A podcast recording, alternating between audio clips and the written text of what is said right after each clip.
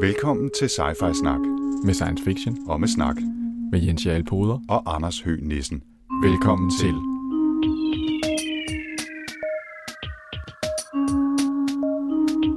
You're traveling to another dimension. A dimension not only of sight and sound, but of mind. A journey into a wondrous land whose boundaries are that of imagination. Your next stop, Sci-Fi Snak. Velkommen til Sci-Fi Snak. Ja, velkommen til. Episode 7 er det. Ja, det er...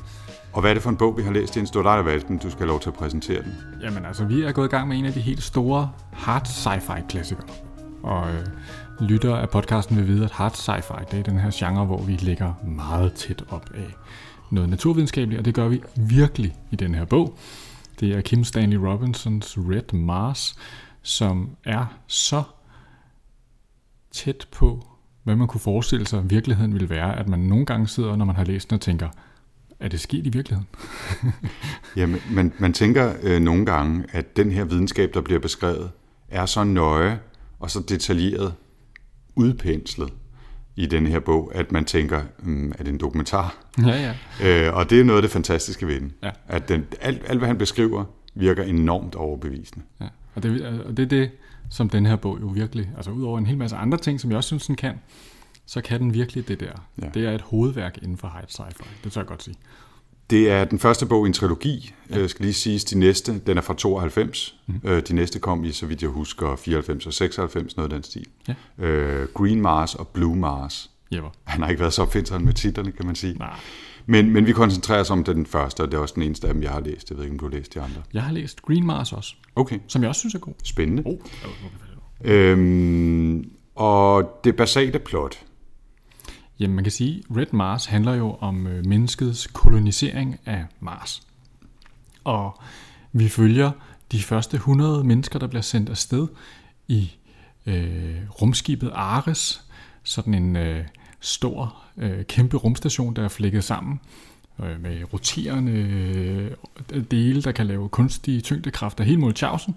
Og vi hører om, hvordan at, øh, at øh, jamen, i virkeligheden hele det sociale spil blandt de her første 100, som kommer til at spille en vældig rolle i hele det her øh, kolonisering af Mars. Så vi øh, lærer en hel masse forskellige øh, videnskabsmænd og kvinder at kende, og øh, følger hele deres øh, kamp med.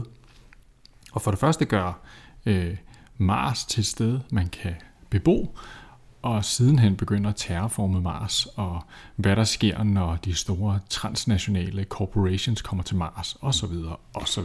og den begynder i 2027, 627-agtigt, der hvor rumskibet bliver sendt afsted. De lander vist på Mars i 27, så vidt jeg husker. Ja, man kan sige, den starter jo med, altså øh, kolonisering starter der, ikke? Altså Ars Ja. bliver sendt afsted der omkring, men den starter jo sådan set et andet sted. Ja, det kan man sige. Altså bogen gør. Ja. Og kronologien starter i virkeligheden, eller der er mange referencer til, at en af hovedpersonerne var den første på Mars på en tidligere ja. ekspedition og vendte tilbage til jorden, og var så med til at opbygge den her øh, landsætningsstyrke af 100 mennesker. Ja. Primært øh, fra USA og Rusland, men også med, med et par andre japanere og europæere for eksempel. Øhm, og så tilbage op på Mars, hvor de så lander, mm. og vi for alvor går i, gang med øh, koloniseringen af Mars i 2027, og så fortsætter bogen i øvrigt helt op til 2062. Øh, det kan vi vende tilbage til. Ja. Men selve bogen, som du siger, den starter et andet sted, så det er jo virkelig ingen plot spoiler, selvom det er en kæmpe stor begivenhed i bogens historie, som er det første kapitel. Ja, for det, det, der er lidt underligt med bogen, ikke, det er, at øh, man bliver kastet direkte ud i måske den mest centrale konflikt, som bliver af, afklaret ret tidligt, må man sige. Fordi øh, man kan sige, de to, der har været med til at være fortaler for det her øh, Mars-projekt, øh, er henholdsvis den første mand på Mars, John, John Boone, Boone. Som er sådan en lidt... Øh, jeg går og tager nogle øh, opkvikkende piller, mens jeg går og hygger og sådan rigtig fed all-American fyr, der har, kan godt øh, komme ud af det med folk, og, og folk synes, det er fedt at høre ham tale om, øh, om hvordan at, øh, han, alle hans drømme om det fremtidige Mars. Jeg tror ikke, det er noget tilfælde, at han hedder Boone, ligesom Daniel Boone, øh, og øh, altså også en klassisk amerikansk helt, øh, som, som klarer det hele, og en stor mand med store hænder og, og markeret hage, og, og drømmer om fremtiden, og det skal nok gå, ikke? The, Ja, ja. new, the Big New Frontier. Og det er så Mars nu, i stedet for det amerikanske vesten. Og øh, Den anden, hans gamle ven, Frank Chalmers, som er helt anderledes. Han er selvfølgelig mørklødet og, sådan en ordentlig øh, klippert og, øh, og sådan et meget, meget hissetype også. Han er sådan og meget, meget magtorienteret. Øh, han har sine egne tanker for, hvad der skal ske på Mars, og, øh, og det, der i virkeligheden bogen starter med, det er, øh, vi er i øh, byen, øh, hvad hedder den, Syracuse, Nicosia, Nicosia, Nicosia hedder ja. den her by. Og det er den første, vi, vi har så været på, på Mars nogle år her, det er den første by, der bare bliver bygget ude på overfladen. Så under en er- kæmpe stor boble. Under en kæmpe stor boble er sådan noget piezoelektrisk øh, plastik, som laver strøm og sådan noget. Så man tænker, okay, der er ikke bare ty- to mennesker på Mars, der er allerede øh, tusind i den her by eller sådan noget. Ja. Ja. Og, øh, og de er til sådan et stort rally her, hvor de snakker om, der, der er en masse folk, der kommer og lytter på nogle af de her utrolig kendte øh, øh, Mars Explorer, de første mennesker, de første, Frank og John og Maya og nogle hovedpersoner her, de er jo de første, de første, der kom til Mars. Så hver gang der sker et eller andet vigtigt, så er der nogle af de her øh, af pionererne, de første, der landede, der kommer og skal holde taler og sådan noget. Det- De er sådan kæmpe helte, ikke? Og, øh, og der får vi allerede øh, og, øh, point of view personen her er Frank. Og det, der, er- det er faktisk lidt interessant, ikke? fordi Frank kan ikke lide de tanker, som John Boone gør sig om fremtidens Mars. Han har sine egne idéer, og det vi så ser, det er, det, det, første kapitel handler om, hvordan at øh, Frank han i virkeligheden laver et komplot for at få slået June, øh, John Boone ihjel, mm. som involverer nogle arabere, som han, han bilder ind, at John Boone vil få smidt nærmest af Mars, mm. og øh, altså, det er virkelig sådan politisk og manipulativt. Øh, ja, det er sådan noget helt øh, fyrstenagtigt, machiavellisk, ikke? Ja, virkelig, virkelig. Ja, ja, ja. og, øh, og det ender med, at øh, stakkels øh, sådan lidt hippieagtig øh, John Boone, han, øh, han bliver slået ihjel. Hmm. Og det er der, bogen starter. Og man sidder bare og tænker, nå, okay. Jeg, jeg tænkte i hvert fald, hvad fanden sker der? Altså, jeg, jeg, havde, jeg vidste meget, meget lidt om den her bog, da jeg gik i gang med den. Øh, Udover at den skulle handle om koloniseringen af Mars. Mm. Og jeg synes virkelig, jeg, jeg, jeg begik den, øh, den fodfejl, det skal man passe på med, og ikke at sætte nok tid af til første gang, jeg kastede mig ud i den. Mm. Og det betød, at jeg ikke kom helt igennem det første kapitel, som beskriver den situation, du lige har talt om her. Og jeg, var, jeg synes, jeg var rimelig fucked. Mm. Altså, de har hvad for noget? De har byer med tusindvis af mennesker og kvarterer, der minder om noget sådan noget mellemøstligt, øh, øh, hvad hedder det med små, og og, og politiske og- fraktioner og moskéer og, og det der, øh, den der boble, en diamantbeklædt øh, boble med, med energihøstning og øh, haver og store parker, og jeg fattede ikke særlig meget af, hvad fanden der foregik. Også fordi jeg synes, der var mange referencer til hele det der politiske spil, og de her personer, nærmest som om man havde læst hele bogen allerede. Mm. Og det er, jo, det er jo et fint litterært greb, og, øh, og der er masser af gode ting i det, men jeg havde, jeg havde sgu lidt svært ved at komme i gang. Mm. Men så efter det kapitel, så skruer den ligesom tilbage til, til starten. Så følger man hele rejsen nærmest op til Mars i det her rumskib, der er flækket sammen af, af gamle brændselstanke fra tidligere rum, rumskibe og alt muligt andet, men som i øvrigt fungerer fint, og man følger hele det psykologiske spil, i øvrigt meget gennem øjnene på en af de russiske øh, astronauter eller kosmonauter, Maja, mm som også spiller en stor rolle, fordi hun øh, har sådan en menage à trois med, med både med Frank og, og John, som sådan er on and off øh, de næste 30 år, eller noget af den stil. Ja. Øhm, Og man er hele tiden i tvivl om, slår Frank John ihjel på grund af Maya, eller slår han John ihjel på grund af kampen om fremtiden Ja. for Mars? ja, Det ved og, man ikke rigtigt. Og det ved man, det kommer man jo aldrig rigtigt Jeg satte mig ned, før vi, vi skulle lave det her, så jeg simpelthen jeg tænkte, "Nå, jeg må hellere lige genlæse det der første kapitel igen. Mm. Og det er stadigvæk ikke helt klart for mig, hvorfor han gør det. Men Jeg synes, øh, det, det er jo interessant nok. Men altså, hvis man skal tage den hurtige opridsning af resten af plottet, sådan stort set, øh, så øh, ankommer de til Mars. De går i gang med at bygge den første base, der jo kommer til at hedde Underhill i en, øh, sådan en Tolkien-reference. Mm. Øh, så går der nogle år, og de går i gang med at tage de første spæde skridt til terraformningen øh, af Mars, altså omdanne den til en, en atmosfære eller et miljø, som, som vi bedre vil kunne bo og arbejde i som mennesker. Øh, der kommer efterhånden, efter nogle år, flere mennesker til Mars, og efterhånden en pænt stor indstrømning af mennesker, som arbejder med minedrift og alt muligt andet. Øhm, og, og øh, det bliver gradvist afsløret, at tilbage på jorden er vi mere og mere fucked. Altså, mm. der er overbefolkning og miljøkatastrofe og økonomisk katastrofe, og det hele er rent udsagt af helvede til. Og imens prøver de mennesker, som er på Mars, at genskabe, eller skabe et nyt samfund i virkeligheden, uden øh, alle de gamle hang-ups fra, fra jorden. Og øh, det går det så ikke så godt med, efterhånden som der kommer flere og flere jordmennesker op, og efterhånden som det går dårligere og dårligere på jorden, og folk dernede er interesseret i at have større og større kontrol med Mars. Det er i hvert fald en løbende kamp, kan man sige. Ikke? Og, øh, og hvad det så slutter med, øh, det, det skal vi måske vente med at afsløre. Ikke? Men altså, det, man følger sådan, altså de to store linjer for mig i hvert fald, øh, udforskning og terraformning af Mars, og, og de øh, dynamikker, der er mellem de første 100, og så øh, konflikten med de indkommende og folk på jorden, som har deres egne visioner om, hvad der skal ske med Mars. Det er for mig sådan de to store linjer i den her. Ja, altså man kan sige, det der, det jeg synes er, noget af det, der er lidt spændende ved bogen, ikke, det er fordi, jeg synes egentlig, han er, han, altså, han er utrolig god til alt det videnskabelige. Ikke? Man får virkelig, øh, og det kommer vi selvfølgelig tilbage til, mm. men, men han er faktisk også ret god til de der forskellige mennesker. Altså, der er, vi har en hel masse, vi har sådan et, et par hovedpersoner, kan man sige. Det kan være, at vi lige skulle riste dem op. Ikke? Mm. Vi har Frank, magtmanden, den mørke amerikaner, lederen af den amerikanske del af delegationen. Så har vi Maja, øh, som er hende kosmonauten, den russiske. Hun er ligesom lederen af den russiske del af delegationen. Og hun er sådan virkelig, altså fierce, øh, humøragtig, småskizofren, mærkelig, og virkelig sådan... Men, Også smuk og sexet Ja, ja. og alt det der, ikke? Men, ja, øh, men, men, men, men virkelig, altså, øh, øh, speciel. her op, op på de høje navler, ikke? Og vi har øh, Nadia, som vi også, øh, som også er øh, en af hovedpersonerne.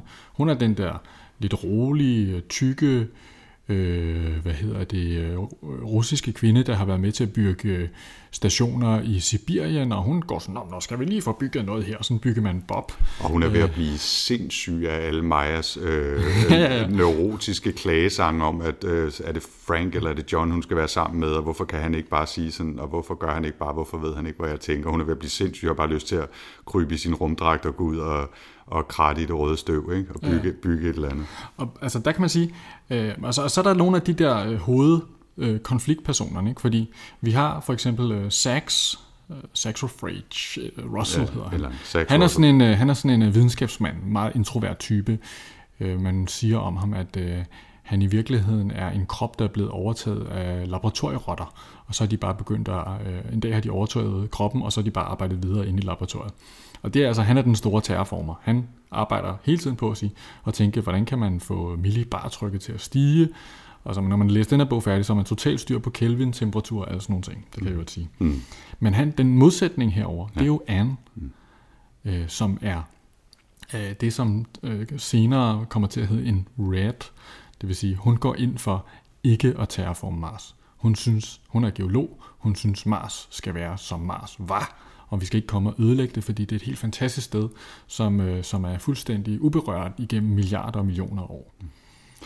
Ja, ja, nå, ja, fortsæt øh, din opridsning, Jamen, øh, fordi der, er- der er mange gode personer, og Jamen, man- det, men det er det, der er spændende ved bogen, det er, at der er de her karakterer, som jo i virkeligheden så er meget forskellige også, kan man sige.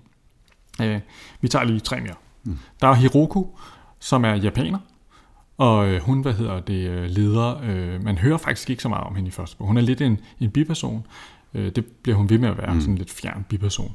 Men hun kommer til at lede sådan en, nærmest sådan en, øh, en øh, sekt omkring sådan noget, øh, vi skal have gjort Mars grøn, og livet skal vokse, og sådan noget, sådan semiseksuel sex, øh, orienteret sex, øh, sekt, hvor vi så, hvad hedder det, på et tidspunkt, så flygter de ud og, øh, og skjuler sig. at det er sådan lidt gone native, ikke? Ja, altså, nu er der ikke nogen folk på Mars i forvejen, men hvis der var, så vil Hiroko og hendes slæng være, være dem, der, der løb ud og boede blandt de altså, indfødte, ikke? Øh, jeg, jeg kom til at tænke på, øh, hvad hedder den, øh, Frank Herberts øh, Dune med de her fremenere, altså de her, der ligesom lærer at leve fuldstændig på, øh, på planetens præmisser og øh, kan bevæge sig i det skjulte og sådan noget. Og det kan Hiroko og hendes folk også. Øh, Og så har vi øh, selvfølgelig den store, rødhårede russer Med med, kæmpe skæg. øh, kæmpe skæg og blå øjne og store armbevægelser, Arkady, mm. som jo øh, er denne her nærmest sådan øh, anarkistiske russer, som allerede på vej derop siger, ah, fuck de der FN, og fuck dem der hjemme i, øh,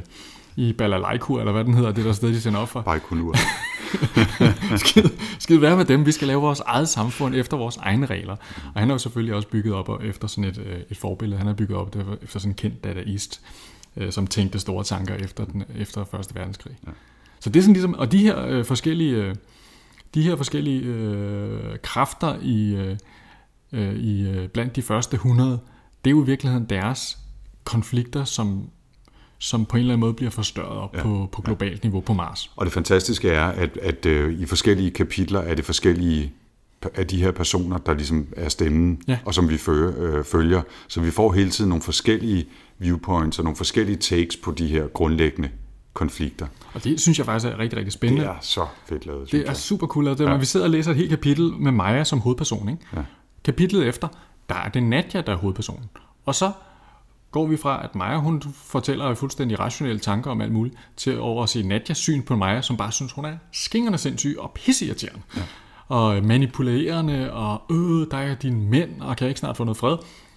Kapitlet efter, Michel, den franske psykolog, er hovedpersonen. Mm. Han har Maja i behandling, og siger sådan på et eller andet tidspunkt, jamen hun er helt klart sindssyg. Og sådan, altså, det er sådan meget, altså, det der med, at man skifter point of view hele tiden, det, er, det, det bliver brugt rigtig smart, synes ja. jeg. Rigtig øh, øh, berigende for historien. Man kommer jo desværre ikke hele vejen rundt. Det kan også være, at det ville have været for forvirrende, men jeg savnede faktisk et kapitel med Arkady, øh, den, den store røde russer, ja. øh, som hovedperson.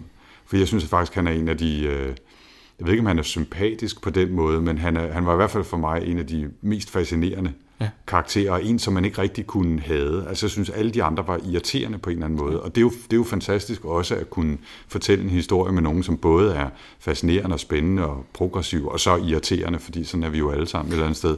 Men det er faktisk meget spændende, synes jeg netop, at det er nogle af de mest radikale karakterer. Hiroku, som går fuldstændig native. Arkady, som laver sin egen base op på Phobos månen, der hvor han opretter sit helt eget samfund og tænker store tanker om smuk arkadiansk øh, det, arkitektur. Mm. Altså han går helt intellektuel, øh, lad os lave nyt ideelt samfund. Ikke? Ja. Altså de mest mystiske og eksplosive karakterer på en eller anden måde, dem, dem er Nå, vi aldrig inde i det hovedet på. Dem er vi aldrig inde i hovedet på. Det er måske en meget god pointe, at det er derfor, vi ikke er det. Mm. Øh, men jeg synes netop, fordi han har en hel masse tanker om, øh, hvordan Mars skal opbygges fuldstændig uden, øh, uden relation til jorden og uden tanke på, hvad, hvad de går og har lyst til at, at planlægge dernede. Altså, så skal man opbygge noget, noget nyt, ikke? Mm. Øh, kommer i virkeligheden meget ud af en, en, en russisk tradition, kan man sige. Ikke? Altså, det er jo en, en form for revolution at hoppe på det der rumskib og tage op til, til Mars. Ikke? Jo, jo, men det er jo også hele hans, hele hans pointe, mens, mens at jorden er ved at gå fuldstændig, øh, øh, øh, hvad hedder det, synden om i, øh, i kaos. Hans pointe er jo hele tiden den, jamen altså, det der kapitalistiske system, det fungerer jo heller ikke. Nu bliver vi nødt til at finde på noget tredje. Præcis. Det er meget sådan, Præcis.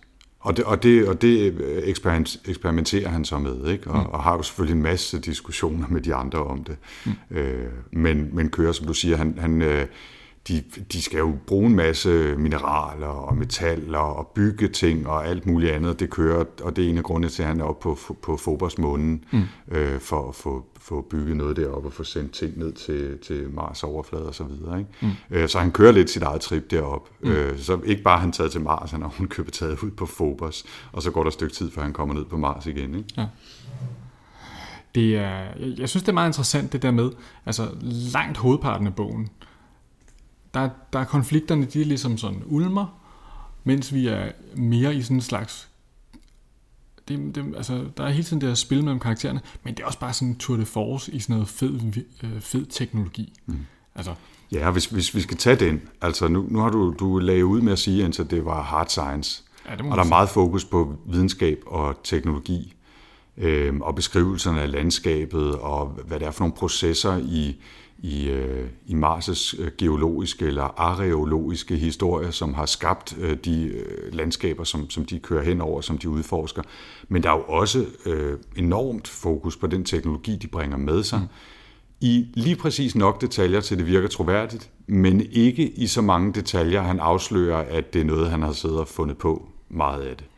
Øhm, men altså, de, kører, de laver jo øh, hvad hedder det, en, slags, en slags veje, kan man sige, ved at sætte med sådan beacons, øh, hvad hedder sådan noget, øh, markører op, så robotbiler automatisk kan køre rundt øh, på store dele af Mars' overflade øh, i sådan nogle, altså nærmest nogle selvkørende campingvogne, ikke, som man så kan gå mm. ind i. Øh, de der dragter, de, der tillader dem at gå rundt på Mars' overflade, og, og han, hvad siger du? walkers. Walkers, ikke? Og, øhm, og de har øh, wrist computers, og de bygger de der byer efterhånden med haver, og først så han bruger enormt meget tid i, i kapitlet med Nadja, den russiske ingeniørkvinde, På at fortælle om, på at hvordan fortælle om, hvordan de laver... Øh, Der er vi det her, og så kommer vi det i nogle maskiner, som laver det om til, og så fik vi lige pludselig magnesium, og så kan vi lave alt muligt af magnesium, og så det er sådan Præcis. fuldstændig Altså, nærmest sådan en øh, øh, instruktionsbog til, hvordan man bygger øh, den første øh, koloni på Mars ved at grave noget ned, og så bruge tykke øh, sand, sand og cementvægge til at holde det isoleret, og så bygger man sådan nogle halv, halvbueformede tage på, fordi så kan man trods alt kigge lidt op over overfladen, og det er helt sindssygt, altså. Ja, der, er- der, er- man, altså jeg når jeg sidder og læser det, så tænker jeg, at det er sgu nok sådan, det er. Altså. Jamen, ja, man, man får virkelig fornemmelsen af, det, at han der- beskriver noget, der er sket, fordi det er i så mange detaljer, og det virker så utrolig overbevisende. Altså i hvert fald på det niveau, ikke, jeg ved. at- at- Altså man kunne, måske der er nogen, der sidder og tænker nu, det lyder sat med kedeligt. Jeg synes ikke, det er kedeligt. Jeg synes, det er vildt fascinerende. Øh, fordi det samtidig, det, det er bare en, det, det, det handler stadigvæk hele tiden om de her mennesker, og deres, øh, deres oplevelser med at være på Mars, og hvad de gerne vil tænke på, og, og ja. altså deres konflikter og sådan. Og det kunne man måske sige, der er rigtig meget øh, hard science, men der er også rigtig meget soft science i det her. Der er Vi for eksempel øh, ja. psykolog, øh, som en del af bogen, og det virker nærmest som om plottet nærmest er bygget helt op omkring det her, udvikler øh, deres øh, franske psykolog Michel jo en helt ny øh, personlighedskarakteristikmodel, mens han er på Mars omkring det sanguine menneske og alt muligt. Og det bliver så brugt til at forklare de forskellige karakterer og sådan noget. Det er meget Og jeg synes, jeg, synes, jeg synes virkelig, det er, det er, nu er det jo også en halvlang bog, kan man sige, mm. ikke? Altså, så han har, han har mange sider at, at brede sig på, og det gør han så også nogle gange, det kan vi vende tilbage til. Ikke? Jo. Men udover det her med teknologien og videnskaben, øh, og, og Mars og landskaberne, så er der nemlig, som du siger, der er psykologien, Økonomi. Øh, der er økonomi, øh, der er øh, sociologi, ikke? Øh, politik, altså hvad er det for nogle relationer, man vil opbygge, hvad er det for nogle magtstrukturer, man er i gang med at opbygge, kan man frigøre sig fra det gamle, eller er man nødt til at tage det gamle, kan man blive enige om at vælge det bedste fra det gamle, hvis man gerne vil bygge noget nyt, og så videre, og så videre. Ikke? Mm. Og det er, øh, det er i virkeligheden, altså det er jo en, det er jo en total magtdemonstration, kan man sige, fra Kim Stanley Robinsons hånd, at det lykkedes ham at få så mange elementer ind, uden at noget af det virker overfladisk. Ja, for jeg synes også, altså, når, han, når, han, øh, når han giver sit bud på, hvordan at, øh, at verden udvikler sig til, hvor de transnationale virksomheder ligesom overtager, og øh, øh, ligesom verdensherredømmet, og bliver dem, der, der driver, hvor at øh, nationalstaterne, de nærmer sig sådan et klientforhold til de transnationale virksomheder. Det er da, det, det er da meget interessant, hvad hedder det, bud på, hvordan verden skal få det. Ikke sådan et af de der, det er ikke sådan, det, det, det, det igen, det virker sådan, det kunne man da godt forestille sig på et eller andet tidspunkt. Og han har, altså, noget af det, som bliver tydeligt efterhånden, det er, at øh, øh der er jo Mars-samfundet, og så er der, så er der to sådan magtkonstruktioner øh, konstruktioner på jorden, som slås lidt om kontrollen, både med jorden og med Mars.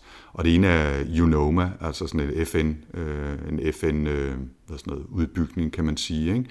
Og den anden er de såkaldte transnats, mm. altså transnationale selskaber, sådan ultrakapitalistiske øh, nærmest øh, lande eller nationer i, i deres egen ret, men altså øh, ultrakapitalistiske. Og de slås lidt om kontrollen med Mars øh, og, og øh, med, øh, om kontrollen med jorden. Men Mars er ligesom den her tredje magt, som jo har langt færre, øh, langt mindre befolkning, men til gengæld har Mars mm. med alle dens ressourcer, al den plads og al den fremtid, som Mars repræsenterer. Mm. Og det er jo en magt i sig selv, en magtfaktor i sig selv. Selvom Mars i princippet burde være styret øh, nede fra jorden, så er det jo, den er jo i gang med at blive sin egen, kan man sige, sin egen planet med sin eget, sit eget styre. Ja, fordi Men skal sige, du have en kop kaffe mere? Ja, tak. Mm. Fordi man kan jo sige, at det der sker ligesom er, at hvad hedder det, øh, at, at efterhånden som det her samfund bliver by- bygget op, og de her for- forskelle til, hvorfor folk tager til Mars opstår. Ikke? Der er nogen, der tager til Mars for, nu skal vi bare strip mine hele lortet og sende det tilbage i, øh, i, i, øh, i hvad hedder det, fine bare. Mm-hmm. øh, og der er nogen, der gerne vil have Mars som sådan et øh, geologisk museum, og der er nogen, der tager til Mars for at komme helt væk. Øh, der er nogle øh, dele, altså der, der er nogle, for eksempel nogle historier nogle, tror det er, øh, hvad hedder, de der araber, der kommer op, de der sumerer, mm. eller Ja, jeg kan ikke huske, hvad det er. der er sådan der sufier eller sådan et eller andet, Ja. der, hvad hedder, der, der spiller en væsentlig rolle i bogen. Og de er, de er nærmest beskrevet som sådan et, "Nå, de boede i Ægypten, Ægypten ville gerne af med dem, de var egentlig også meget glade for at kunne måske komme op til Mars og fortsætte deres egen forestilling om, hvordan man var araber på Mars. Og det er jo meget sjovt, at, at, øh, at når man følger de oprindelige 100 der, de har jo alle sammen gennemgået virkelig, virkelig øh, rigide tests. Øh, de kan selvfølgelig en hel masse og ved en masse, men også psykologiske tests og tests af, hvordan de samarbejder og hvad deres motivationer og så, så videre, så videre, så videre. Og det viser sig alle sammen, at hvis man kratter en lille smule i overfladen, så har de alle sammen deres helt egne idéer med, hvorfor det er, de vil til Mars. Ikke? Ja. Og nogle af dem er sådan nogle personlige sådan noget flugt. Altså folk, der vil være taget til Australien i gamle dage, eller til, til den amerikanske vest, vestkyst, eller et eller andet for at slippe væk og bygge noget nyt, øh, simpelthen for at slippe væk fra det gamle. Mm. Øh, så er der nogen, der drømmer om at opbygge et nyt samfund. Ikke? Så er der sådan en som Anne, som, som gerne vil til Mars, men i virkeligheden ikke vil til Mars alligevel, fordi hun vil helst bare kunne svæve over Mars og ikke ændre så meget som et støvkorn på Mars' overflade, men studere det videnskabeligt øh, mm. i sin uberørthed. Ikke? Og sådan en som Michelle, som, ja, som man ikke rigtig jeg kan ikke huske, han, der er sådan, han, han ender faktisk med han, nærmest ikke at ville til Mars. Ja, nærmest ikke. Og det var så, bare et uheld nærmest. Så, så kommer han derop alligevel, og så er der sådan en som Hiroko, japaneren, som, som nærmest starter sin sekt, som du sagde før, ikke? Ja. Som, øh, som nok har nogle store visioner om, om hvad det skal blive til, øh, som er sådan meget mere, hvad kan man sige, følelsesmæssigt, mentale, religiøse nærmest, hvor Arkadis visioner med Mars er meget mere sociologiske eller politiske, ja. øh, økonomiske. Ikke? Og de, de, de har alle sammen deres helt egen grund til, at de vil afsted til Mars. Ja. Og det der så man kan sige, der sker, altså der hvor bogen så ligesom udvikler sig, at den her, altså vi følger ligesom Mars udvikling, og så sker der jo ligesom det, at efter John Boone dør, så sætter nu, nu er det ligesom min tolkning af det, mm. så sætter Frank sig ligesom i spidsen for at repræsentere Mars, altså være sådan overrådsmand på vegne af Mars i, i samspillet med Unoma og, og Jorden og sådan. Og han prøver ligesom at forhandle og sørge for, at det hele kan fungere og sådan noget. Det er ligesom hans model, det er, at vi skal have det til at fungere, og, og øh, vi, må, vi må lave nogle forhandlinger, og vi må, han er utro, utrolig energisk og prøver få alle de her forskellige ting til at gå op. Men det lykkes ham meget dårligt, fordi de der transnats, de er i virkeligheden ikke interesseret i Mars. De er bare interesseret i at tjene boksen. Mm. De er ligeglade. De altså, da de først var bygget den der space elevator. Ja, den er slet ikke nævnt. Oh, men... Der blev bygget en space elevator, ja, det... som er det fantastiske ting, ja. som, øh, som vi jo har gået og drømt om at få snart. Det må, det må, det må blive til noget snart. Mm. Altså sådan en rum, i stedet for at vi skal øh, fyre en kæmpe stor raket af, så kan vi bare tage elevatoren op i de her 100 km højde, og så er vi ude i rummet. Ja, det er nu 36.000 km højde, men... Nå, jo, men det er jo så lige den der. Det kunne være en anden, der kun var 100. øhm, men men efter at, det, efter at øh, man fra jorden bare begynder at sende folk og folk og folk, så det nærmest bliver sådan nogle flygtningelejre-agtige tilstand, så hvad hedder det, får det jo nogle af de lidt, blandt andet Arkady, øh, de lidt mere sådan noget esoteriske typer til at sige, okay, nu skal, vi, øh, nu skal vi have gjort noget ved den der jord, nu skal det stoppe. Og det starter så denne her, det her oprør, som der så er i 2060'erne, 67 eller 62. 62, tror jeg. Øh, som så ender i en kæmpe krig, ikke, hvor at at øh, samtlige byer øh, nærmest bliver jævnet med jorden, og rumelevatoren bliver smadret, og, øh, og, øh, og det slutter med, at dem, der er tilbage af de første 100, de, øh, de går i flugt ned under pol, øh, Sydpolen på ja, Mars. Ja. Øhm, nu, nu sagde du lige det med Space Elevatoren, og, og øh, får jeg lidt lyst til at vende tilbage til, til det med teknologien og videnskaben igen, ikke? fordi uh, rumelevatoren det er jo en fantastisk konstruktion. Altså, jeg vil sige, uh, det er jo noget, vi har drømt om, altså ideen om, som du siger, at have et, langt, langt kabel basalt set, med noget ude i enden til at holde det stramt, og så kan vi sende en elevator op og ned af det. Mm. Og det er først, når de får bygget den, at det rigtig bliver rentabelt at sende de righoldige metal fund de, de miner ud af Mars' overflade tilbage til jorden. Øh, men det, den, den bliver bygget med under stor øh, ballade, og det koster en helvedes masse milliarder, men det, det lykkedes. Øhm, så har de hele det her terraformning-projekt, med, som jo virkelig er noget med at omdanne Mars' overflade og kæmpe store miner til at udlufte den lidt varmere øh, øh hvad hedder det, varmekilder nedefra, så, så også, de slipper, hvad hedder det, forskellige gasser ud i Mars' atmosfære, og der sker banker, virkelig noget. Ikke? Banker kometer ned i atmosfæren for at få dem, hvad hedder det, øh, få dem øh, fordampet, så man fortætter atmosfæren. Ja, ja, ja. Og, og, de har, og så har de robotter, øh, som, som ligesom kan, kan bygge nye robotter, ikke? Øh, så, så der hele tiden kører robotter rundt og bygger ting og, mm. og laver ting. Altså, øh, menneskene gør også en masse, øh, selvfølgelig, ikke? og planlægger alt det her, men der er rigtig meget med robotter, robotfabrikker, som mm. bygger nye robotter, som så fiser rundt og, og, og borer huller i jorden og gør alt muligt andet. Men den er jo fra 92. Mm. Og noget af det, som altid er sjovt, det er, at man sige, det store maskineri, robotter og rumskibe og alt sådan noget, det, det kan man godt sådan forestille sig. Men det er jo altid en udfordring til, tilbage i 90'erne og forestille sig, hvordan digital teknologi ja. udvikler sig. Og, øh, og det er jo heller ikke noget, han graver dybt ned i, men han har nogle lidt interessante, øh, konkrete nedslag, Kim Stanley Robinson. Han har for eksempel, øh, øh, nu har jeg glemt, hvad hun hedder, hun hedder Pauline. Pauline, John som er sådan en, Artificial Intelligence. Lige præcis, som er sådan en slags øh, digital assistent, mm. øh, som, som han kan bede om at researche ting for sig. Ja. Øh, og, som, og, og, og de har alle sammen sådan en lille håndledscomputer, et smartwatch vil vi sige i dag næsten, ikke? Øh, som, hvor, hvor man ikke får forfærdelig mange detaljer om andet, end man kan tale til det, og, og man kan kommunikere via det. Det er sådan lidt Dick Tracy-style øh, øh, wrist wristpad, ikke? Ja. med en lille skærm, og så kan man også se tv på, og så videre. Ikke? Øhm, og, og den bruger man jo, men, og det er jo egentlig meget godt set, mm. men man har ikke rigtig indtryk af, om han har forstået, hvor meget computerkraft, der kan ligge i de der maskiner. Øh, og, og det er sådan set, han slipper ret godt udenom det. Det er ikke mm. sådan, at han begår åbenlyse fejl, synes jeg. Øhm, og der er jo også et netværk, så de kan kommunikere. Og det netværk går ned på et tidspunkt, og så er de fucked, ikke? Altså, så er de totalt offline, og hvad skal de så gøre, ikke? Øhm. Altså, en af de ting, jeg blevet mærke i, det var, at på et tidspunkt modtager Sax en fax fra Hiroko. ja. Det tænkte jeg var vildt, at de havde sendt faxmaskiner til Mars. Ja. det kom bag på mig. Ja, det, det, det havde jeg ikke lige regnet med, at, øh, at der ville være det så jeg heller ikke som det mest oplagte. Men det er faktisk meget sjovt, at, øh, at det lykkedes ham faktisk at takte den der meget godt. Ja, han undgår det ligesom. Kan man ja, så man ikke sidder og tænker, ej for helvede, han har ikke fattet en skid af, hvad der foregår. Vel? Ja. For han har fanget det egentlig okay. Altså, der er ikke sådan referencer til smartphones eller, eller øh, wifi, eller hvad, hvad man nu kan forestille sig, men, øh, men næsten. Mm. Altså, det, det, er meget godt, øh, det er meget godt set, men der er mere fokus på, på videnskaber, som man som jo ikke udvikler sig med samme eksplosiv hast, altså nanoteknologi og sådan noget videre. Men, men en vigtig teknologi, som han som han introducerer cirka midt i det her forløb, øh, omkring 49-agtige, 49-50 stykker, noget af den stil, det er øh, genetisk manipulation øh, af, ja, hvad, hvad de hedder, hedder det, telomerer i virkeligheden, dem der bestemmer vores, øh, vores aldring, øh, og han, øh, han introducerer muligheden for at reparere nogle øh, ophobede fejl i vores DNA, og det betyder, at hvis man får sådan en, en behandling på et par dage eller noget af den stil, så kan man faktisk leve meget, meget længere. Ja, man ved ikke rigtig, hvor længe. Men, man øh, ved ikke rigtig, hvor længe, men de, de er i hvert fald i rimelig godt, vi gør øh, langt op i 80'erne.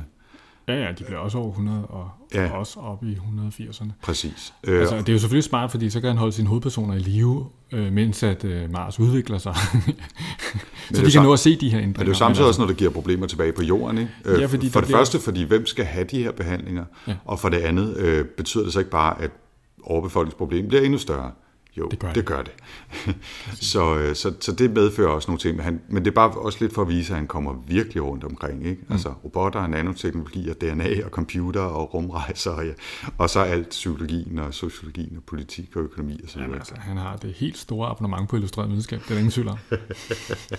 han, da, han, går, han går all in, men mm. uden, at, uden at det bliver kulørt. Altså nu siger du illustreret videnskab, og, og, og det holder jeg jo meget af, ikke? men altså det er jo ikke, man skal jo ikke tro, at det er sådan noget hey ho, ballade, knald, uh, Avengers-style uh, gang i den, vel? Altså, nej, nej. Det, det er det bestemt ikke. Nej, det... Lad os, lad os prøve til, vi har, vi har selvfølgelig øh, allerede antydet, at vi synes, at der er gode uh, ting, og der er selvfølgelig også nogle mindre gode ting ved denne her, men, uh, men jeg kunne godt tænke mig at spørge dig, om der var noget nogle andre bøger, du blev mindet om, da du læste den her? Eller jeg tænker rigtig ting? meget på Frank Herberts Dune. Mm. Altså det er, jo, det er jo sådan en, en ting er, at det er hard sci-fi, men det har også lidt af det der øko, øko sci-fi, ikke? hvor vi siger, at ja, hovedpersonen er nærmest planeten, ikke? og hvordan udvikler den sig? Og, altså ja, der, der er meget af det i den, altså det, det, den mindede mig rigtig meget om den. Øhm, og ellers så har jeg jo læst rigtig meget Isaac Asimov, og han, han er, han er ikke langt fra, fra, den her slags. Der, han kunne også godt have skrevet noget, der mindede om det her. Ja. Jamen det, det, jeg synes simpelthen også, at der er noget, øhm, siger du Asimov, og det, og det er den type science fiction mm. i virkeligheden. Ikke? Og jeg blev lidt mindet om Foundation-serien, ja, ja, øh, som, som selvfølgelig er nogen, øh, nogen år længere ude i fremtiden, kan man sige, men har lidt den der, det der sådan galaktiske spænd. Man kan godt forestille sig lidt, at det her det er første skridt til det, der senere bliver Foundation, ikke? hvor man øh, er, er langt øh, længere ude i, i universet. Ikke? Mm. Men, men sådan mere, hvad kan man sige, øh, litterært eller som, som læseoplevelse, så bliver jeg faktisk en gang mellem, når det, når det gik rigtig godt mindet om Neil Stevenson, øh, fordi han også har, han skriver de der utrolig lange ting, hvor han også kommer ret dybt ned i nogle videnskabelige, politiske, økonomiske detaljer, ja. som han forklarer, og, og gør det på en måde, så det virker som en integreret del af historien. Der kunne godt være sådan lidt Quicksilver, den der, øh, den der ja, lige præcis. trilogi fra, øh, om oplysningstiden. Ja, det, det synes jeg nemlig. Ja. Øhm, og jeg synes, jeg, jeg synes altså, den, selve den litterære kvalitet er ikke lige så, lige så høj som hos Neil Stevenson. Hos Neil Stevenson har jeg lyst til at nogle gange sidde og læse nogle af hans sætninger højt, fordi jeg synes, de er så veltonerede. Øh, og det, det, det synes jeg ikke rigtigt her. Nej. Øh, men, men det var bare meget sjovt, det der med at... Der er nok mere Asimov. Som du... Ja, det kan man sige. Ikke? Det, det er forholdsvis straight, straight and to straight, the point. Ikke? Altså, det, er, det er godt håndværk, ja. må man sige. Ikke? Øhm, hvad er godt ved Red Mars? Altså, jeg synes, det er altså, ufatteligt, hvad han har fået sin lille fantasi til at producere.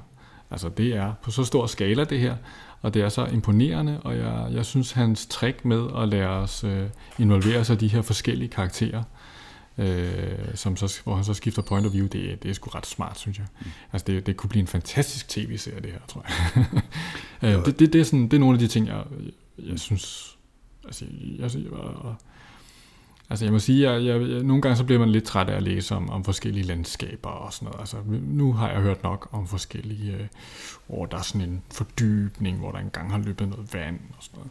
Ja, det, det, det bliver ja tak, videre-agtigt nogle gange. Ikke? Men altså, jeg, jeg, synes... tror, jeg vil gå videre end det og sige, at han kunne have skåret 10% af den her bog, hvis han tog fat i landskabsbeskrivelserne ja. og, og smed dem ud af vinduet. Ja, det kunne altså, være sejt. Det, det, det er fint nok, at han starter med det, men jeg, jeg indrømmer blankt, at der var i hvert fald tre gange, hvor jeg bladrede forbi tre sider, mm hvor jeg ikke havde indtryk af, at der var sket andet, end at de beskrev, hvordan de kørte rundt i rovers i det her landskab, øh, ja. og hvordan is, øh, solen blinkede i, i iskrystallerne på, øh, på, på siden af krateret og sådan noget. Altså, der, der skulle han altså have haft en redaktør.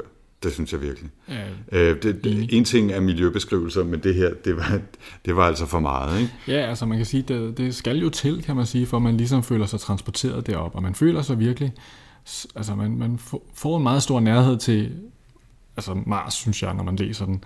Men jeg synes også, det går simpelthen for sløvt. Nu, nu, taler, man om, nu taler vi lige om, hvad, hvad man bliver mindet om. Ja. Øh, og nu, nu jeg, holder jeg jo utrolig meget af Ringenes Herre. Ja. Altså jeg, jeg har, oh, ja, og jeg har et, et nostalgisk forhold til det. Jeg kan ikke have nogen kritisk distance i virkeligheden. Men noget af det, som folk, der er kommet til det senere, altså de siger jo, at, at de synes, det er simpelthen så røvsygt at høre om de der hobitter, der, der går rundt øh, i Middle-earth-landskaberne. Ikke?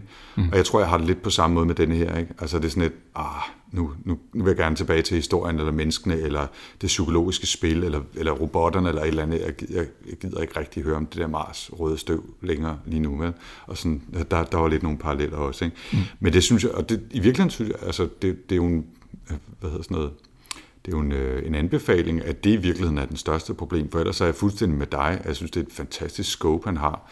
Og i virkeligheden er noget af det vildeste, at han jo har skrevet to mere, ja, ja. som, øh, som, jeg, øh, som jeg faktisk godt kunne tænke mig at kaste mig over på et eller andet tidspunkt. Ikke nødvendigvis lige med det samme, men også han har skrevet på så relativt kort tid. Altså, at, at det, jeg forstår det næsten ikke. Altså, det er lidt ligesom sådan Neil Stevenson, ikke? man tænker, altså, sover han nogensinde, eller skriver han bare altid? Ja, ja. Hvad sker der? Men det, det er tydeligt, at han har tænkt den her bog på en eller anden måde fra en ende af. Ikke?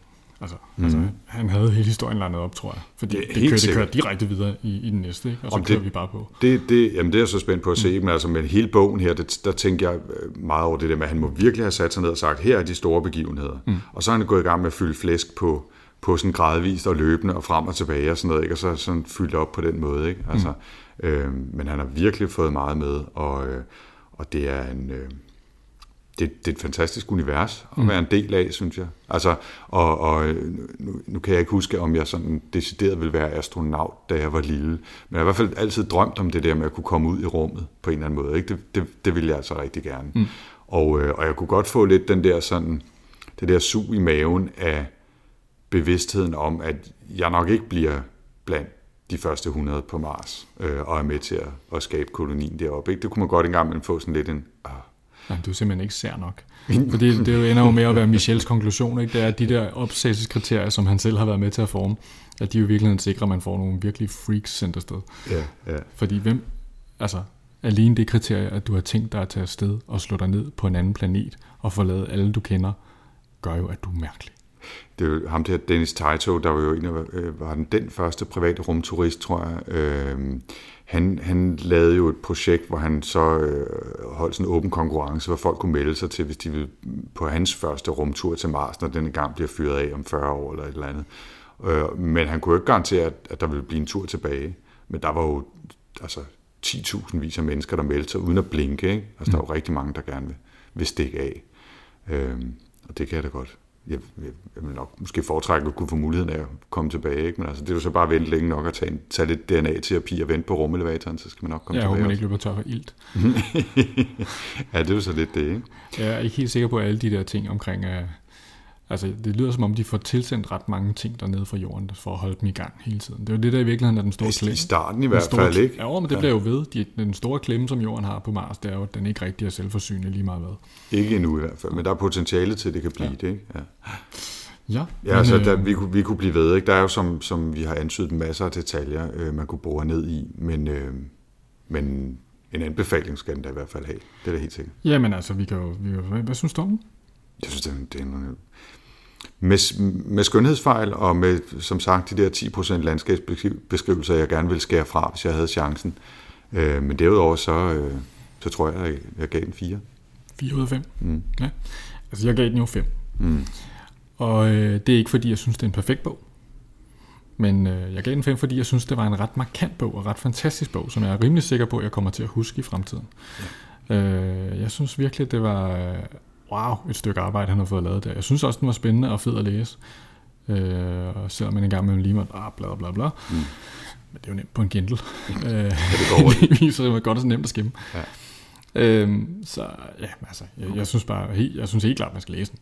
Ja, ja men det, altså, den får en stor anbefaling, men jeg synes ikke, den var perfekt. Mm. Altså, for mig kunne, kunne som sagt 100 sider mindre, så havde vi nok været ved at være der, hvis det var de rigtige steder, der var skåret, selvfølgelig ja. vel at mærke. Ikke? Yep. Øhm, før vi kaster os ud i, øh, hvad vi skal læse næste gang, ja. så fik jeg bare lige lyst til at, øh, at sige, at øh, sådan en lille aktualitetskommentar, at en total sci-fi klassiker, som, som jeg har læst flere gange i mine unge år, Enders Game, jo lige er blevet filmatiseret på vej også i biograferne herhjemme. Har du læst Enders Game? Ja, for fanden Ja. Det er jo en fantastisk bog.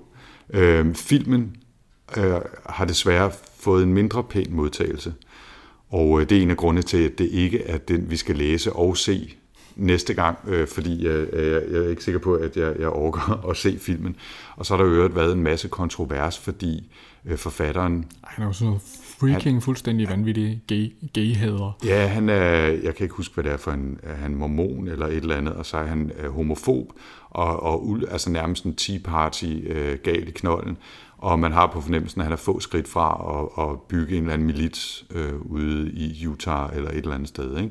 Og nu skal man jo aldrig, øh, eller man skal ofte passe på med at knytte manden øh, eller kunstneren sammen med produktet. Men, øh, men det, det, jeg kan mærke, at jeg ligesom mange andre er blevet en lille smule farvet af det. Jeg er glad for, at det er 20 år siden, jeg læste bogen øh, fem gange, fordi jeg synes, den var fantastisk. Den handler om en lille dreng, der bliver en, øh, et omdrejningspunkt i, punkt i en krig mod nogle insektlignende væsener ude i galaksen. Fantastisk bog. Fant, fantastisk altså, jeg, synes, man skal, jeg synes, man skal glemme, at han er homofob, og så læse bogen alligevel. Læs bogen, og så kan vi så eventuelt overveje, om det er os, der skal gå ind og se filmen, og fortælle, om I også skal se den, når den endelig kommer op i de danske biografer. Det må vi tage stilling til til den tid. Der må jeg lige se, om jeg gider. Ja. Men øh, hvad skal vi læse næste gang? Jeg har, jeg er meget spændt. Jeg har valgt at gå i en helt anden retning. Ja, jeg har forestillet mig noget med rumvampyr. Ja, nej, nej vi, skal, vi skal i en helt anden retning, vi skal, og vi skal prøve noget helt andet. Vi skal tage en chance med en bog, der hedder Nexus, af en forfatter, der hedder Rames Nam, som jeg ikke kender. Øhm, bogen er fra 2012 og handler sådan i hovedtræk om øh, nanomanipulationer af hjernen, og hvad det gør ved vores mulighed for at sådan connecte telepatisk, og hvad det betyder for, for samfundet. Og så skulle den være sådan en hard-paced thriller, øh, bygget op omkring den her teknologi og de her muligheder. Okay. Og det synes jeg var noget helt andet end det, vi har haft fast, fat i før. Og jeg synes, øh, at det er jo fantastisk, at vi stadigvæk er øh, kun i gang med episode 7 og skal i gang med episode 8, hvor vi skal læse Nexus. At vi har så mange muligheder, der er så åbent felt. Skulle det være tidsrejser? Skulle det være noget, vi havde læst? Skulle det være noget, vi slet ikke havde læst? Skulle det være nyt? Skulle det være gammelt? Og nu øh, har jeg valgt at tage en chance med denne her. Rames øh, hedder han N-A-A-M, NAM, og bogen hedder Nexus. Øh, og der, er- jeg, jeg tror, der ovenikøbet der er kommet et par stykker mere siden, eller han er i gang med at skrive flere, hvis den skulle vise sig at være god. Okay, fedt. Nå, det kan jeg glæde mig til. Ja, den kaster vi os ud i. Jamen, øh, så, øh, så snakker vi om den om en uges tid. Det gør vi. Hvad kan vi, øh, hvor kan man møde os indtil da? Man kan møde os på sci-fi-snak.dk. Ja, og vi har også en gruppe på Goodreads, hvor man altid er velkommen til at komme ind og komme med forslag. Tak for den gang, Jens. Ja, selv tak, Anders. Ha' det godt. Hej.